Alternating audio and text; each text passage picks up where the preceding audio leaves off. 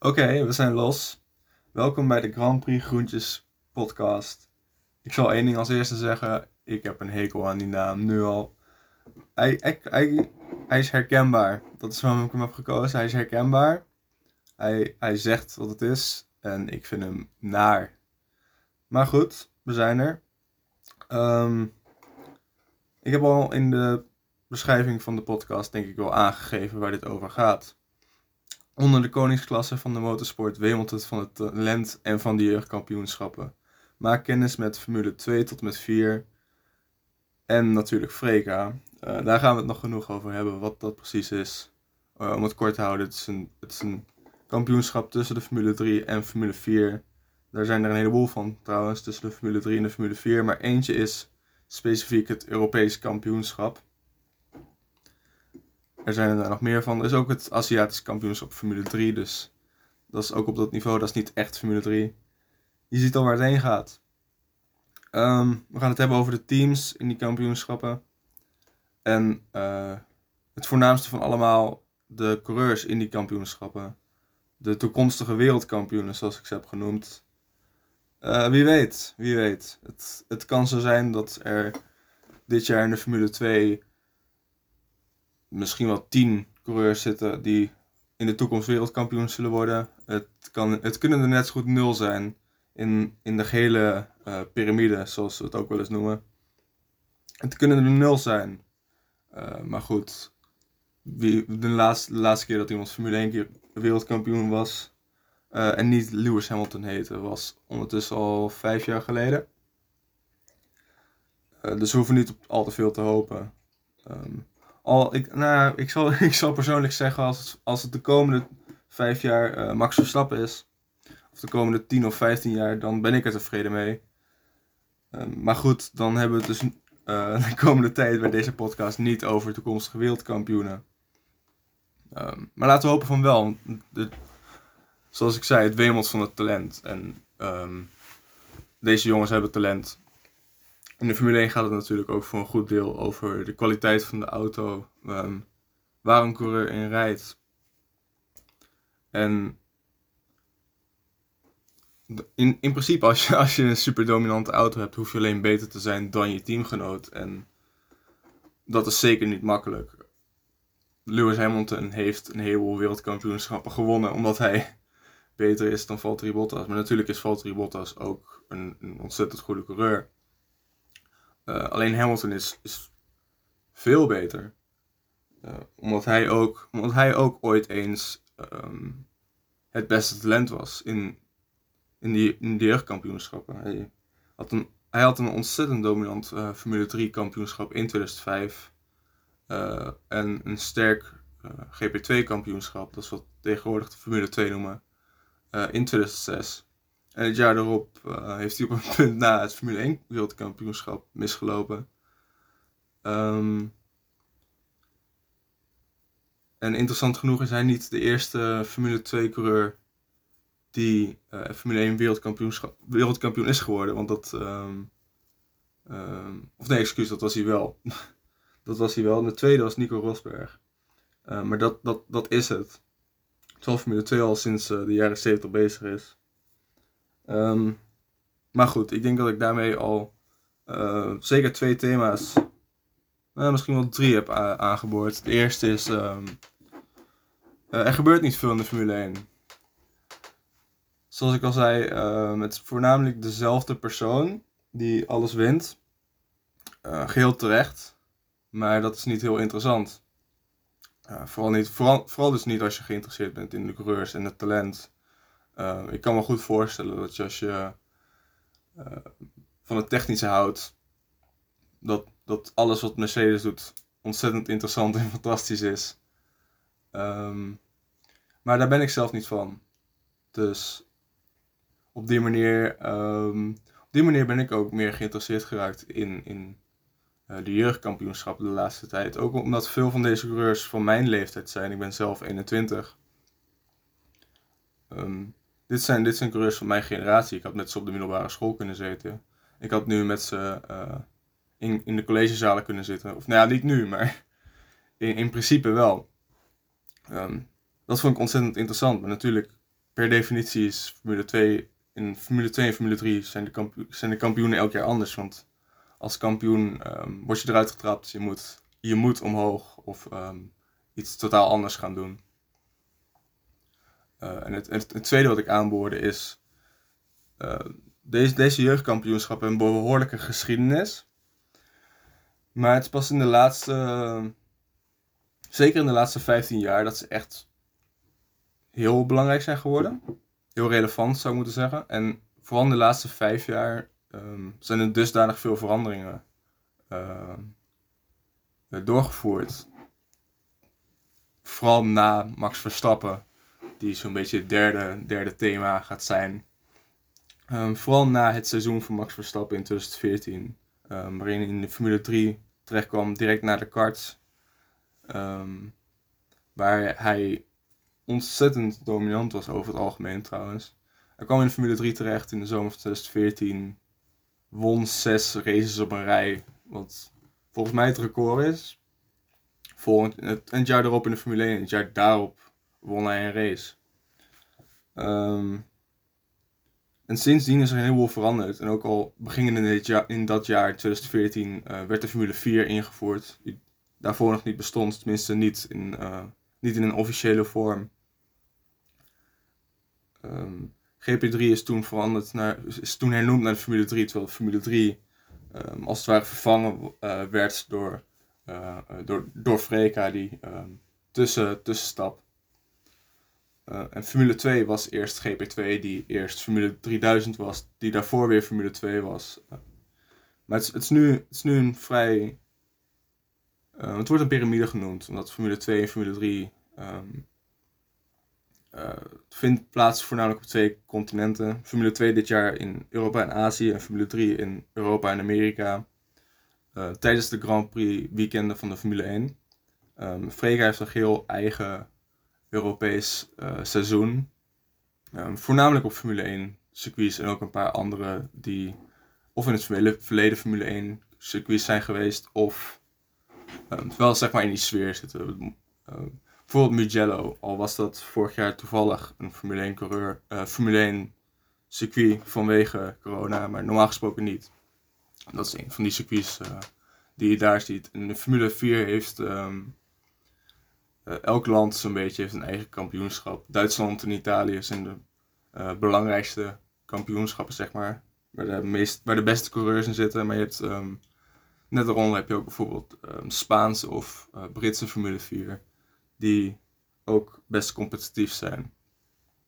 Um, dus dat we gaan kijken naar die geschiedenis en vooral de meest recente geschiedenis, puur omdat dat dus het belangrijkste is. Het, het niveau en talent is echt ontzettend gestegen sinds Verstappen. Er is geen talent. Er is nog geen talent dat heeft opgestaan sinds, uh, sinds, sinds toen. Dat echt van hetzelfde niveau is, naar mijn mening. Maar als je, als je vergelijkt, als iedereen vergelijkt die voor uh, Verstappen um, echt die, die uh, kampioenschap afliep en kijkt naar hoe het daarna ging. Um, bijvoorbeeld Mick Schumacher is een goed voorbeeld hij is echt begonnen in de Formule 4 in tegenstelling tot voor Stappen, maar in tegenstelling ook tot uh, noemen op Science en uh, wie waren er nog meer rond die tijd? Uh, Bottas, iets eerder dan dat. nou ja, coureurs van die, die in de vroege jaren, jaren 2010 waren begonnen. omdat er toen nog geen Formule 4 was ook. Maar um, die coureurs die hebben minder, minder um, stabiele en gerichte ontwikkeling um, doorlopen. En zijn ook over het algemeen later, op, op latere leeftijd begonnen. Terwijl natuurlijk het, het beste is met elke vaardigheid om zo vroeg mogelijk te beginnen en zoveel mogelijk te oefenen. Dus uh, Max Verstappen begon met karten toen hij vier jaar oud was. Dus iedereen die begon toen ze acht jaar oud waren, heeft per definitie vier jaar achterstand op hem. Ehm, wat trouwens heel veel zegt over hoe jong, hoe jong je moet zijn om te beginnen met karten als je in de Formule 1 terecht wil komen. Um, acht jaar is gemiddeld. Laat ik dat zeggen. Dat is heel ontzettend vroeg. Um, en voor je 23 zul je echt wel succesvol zijn geweest in de Formule 2, anders kom je er niet meer tegenwoordig. Terwijl 23 de leeftijd was waarop Hamilton begon in de Formule 1. En dat werd toen als heel jong gezien. Thema 3, Max Verstappen. Genoeg gezegd. Ik zal er veel vergelijkingen mee maken, uh, maar dan hebben we het al echt over een uitzonderlijk talent. Er is niemand die hetzelfde heeft gedaan als hij. Hij was 17 jaar toen hij begon in de Formule 1. Dat is nu onmogelijk. Je moet nu minstens 18 jaar zijn. Maar daarnaast is er ook geen. Ik zie het in ieder geval niet gebeuren dat er een Formule 1 team is die dat nu nog wil. Gewoon puur omdat iedereen, uh, verder iedereen het al gewoon echt die kampioenschappen doorloopt. En ik, ik noemde al Mick Schumacher. Uh, die deed twee jaar over de Formule 4. Wat, al, wat een beetje veel is. Maar hij heeft dat aanpassingsvermogen niet, lang niet zo goed als de meeste uh, talenten van zijn kaliber. Wat zonde is. Maar uh, twee jaar Formule 4. Twee jaar oude Formule 3. en nu twee jaar Formule 2. Daarin heeft hij um, behoorlijk veel kunnen leren en ontwikkelen. Um, als hij dat sneller had gedaan, dan, dan, dan had hij zeker nog wel een achterstand gehad. Um, puur omdat hij, hij in ieder geval veel moet wennen aan nieuwe kampioenschappen. En dat gaan we ook wel waarschijnlijk zien in de Formule 1 dit jaar. Verstappen had dat niet, lang niet zo erg. Had een, hij, hij heeft een ontzettend goed aanpassingsvermogen, maar alsnog zou die ontwikkeling hem waarschijnlijk veel hebben geholpen. Tenminste, zoals het nu was geweest. Maar in principe zou je ook wel kunnen zeggen dat het hem had kunnen helpen. Het is, het is makkelijk om achteraf te spreken daarover. Omdat hij natuurlijk in 2016 al een race had gewonnen voor Red Bull. Um, in zijn eerste race voor Red Bull.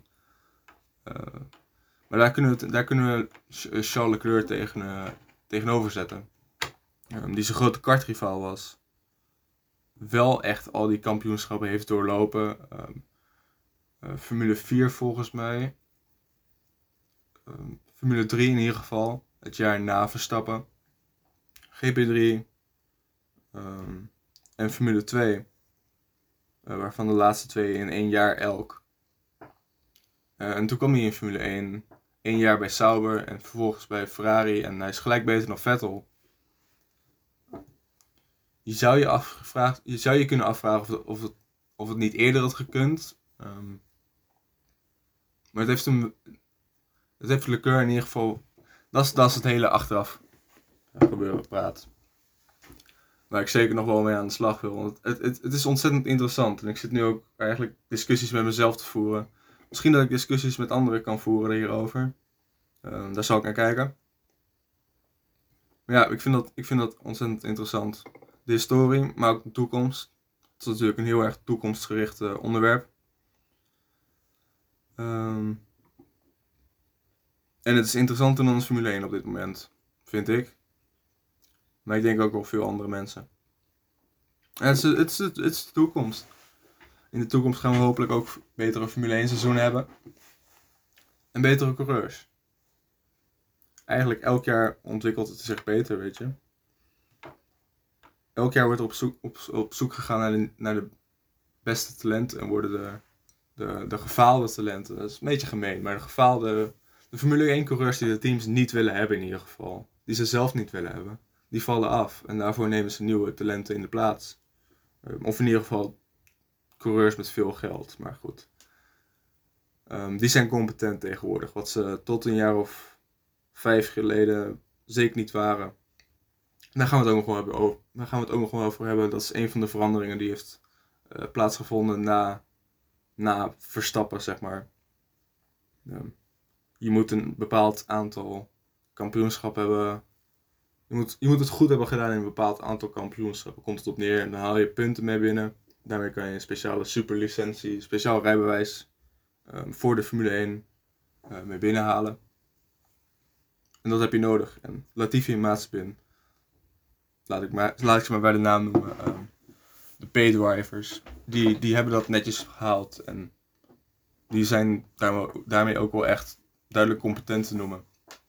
Um, en überhaupt het feit dat, dat, dat, dat we alleen hun twee hebben. Um, plus Stroll, maar hij, hij, is, hij, hij is Formule 3 kampioen geweest. maar goed, we hebben het hier over drie competente coureurs. Ehm, ik vind Stroll daadwerkelijk goed, persoonlijk. Ehm, dat is fantastisch. Dat ze competent zijn ten eerste, maar dat er ook nog een goede tussen zit. En vijf tot tien jaar geleden waren er echt gewoon hele slechte coureurs. Daar gaan we het ook nog over hebben. Er zijn heel veel mogelijkheden. En dan hebben we het nog niet eens over het seizoen zelf. Het seizoen zelf, uh, het Formule 2 seizoen begint als eerste, uh, eind deze maand. Daarna zit er een korte pauze totdat uh, de lagere seizoenen beginnen. Formule 3 begint volgens mij pas in mei. Ehm, ik ga proberen om elke week tenminste iets uitgebracht te hebben. Of het nou een verhaal is over. Of het nou uitleg is over iets, of een oud verhaal, of een, of een discussie. Um, soms gaan er ook meerdere dingen in een weekend plaatsvinden. Ik ga nog kijken hoe ik dat ga doen. Um, maar er is in ieder geval een heleboel om te vertellen en een heleboel om, om te analyseren. en ik zou dat graag willen doen. Er valt een heleboel over te zeggen, vooral in het Nederlands. Um, dat andere mensen nog niet hebben gezegd. Uh, maar ze ook nog niet over hebben nagedacht misschien. Um, maar het is ontzettend interessant. En ik wil graag, die, ik wil graag de dingen die ik heb, ge, ja, die ik heb gezien, die ik heb geleerd, um, die ik vind, ook, een hele, uh, ook zeker die ik vind, want ik vind een heleboel, die wil ik graag delen. in deze format. En ik, uh, ik hoop dat dat het wordt. Morgen komt als het goed is de eerste aflevering uit. Um, want vanavond uh, komt. Vanavond wordt het laatste Formule 2 uh, stoeltje bevestigd als het goed is door MP Motorsport. Um, het Zuid-Hollandse team. En als zij, als zij bevestigen wie ik denk dat ze gaan bevestigen, heb ik mijn research al gedaan. Uh, en kan ik morgen gewoon een aflevering opnemen en uitgeven. En dat wordt een interessante dan. Ehm, die ook wel goed past bij uh, het derde thema dat ik noemde. nou, meer, meer, meer in het algemeen dan alleen Verstappen. Om het zo te zeggen. Um, maar goed. Um, dit was de proloog dus. En uh, ik heb er zin in. Dus tot morgen als het goed is.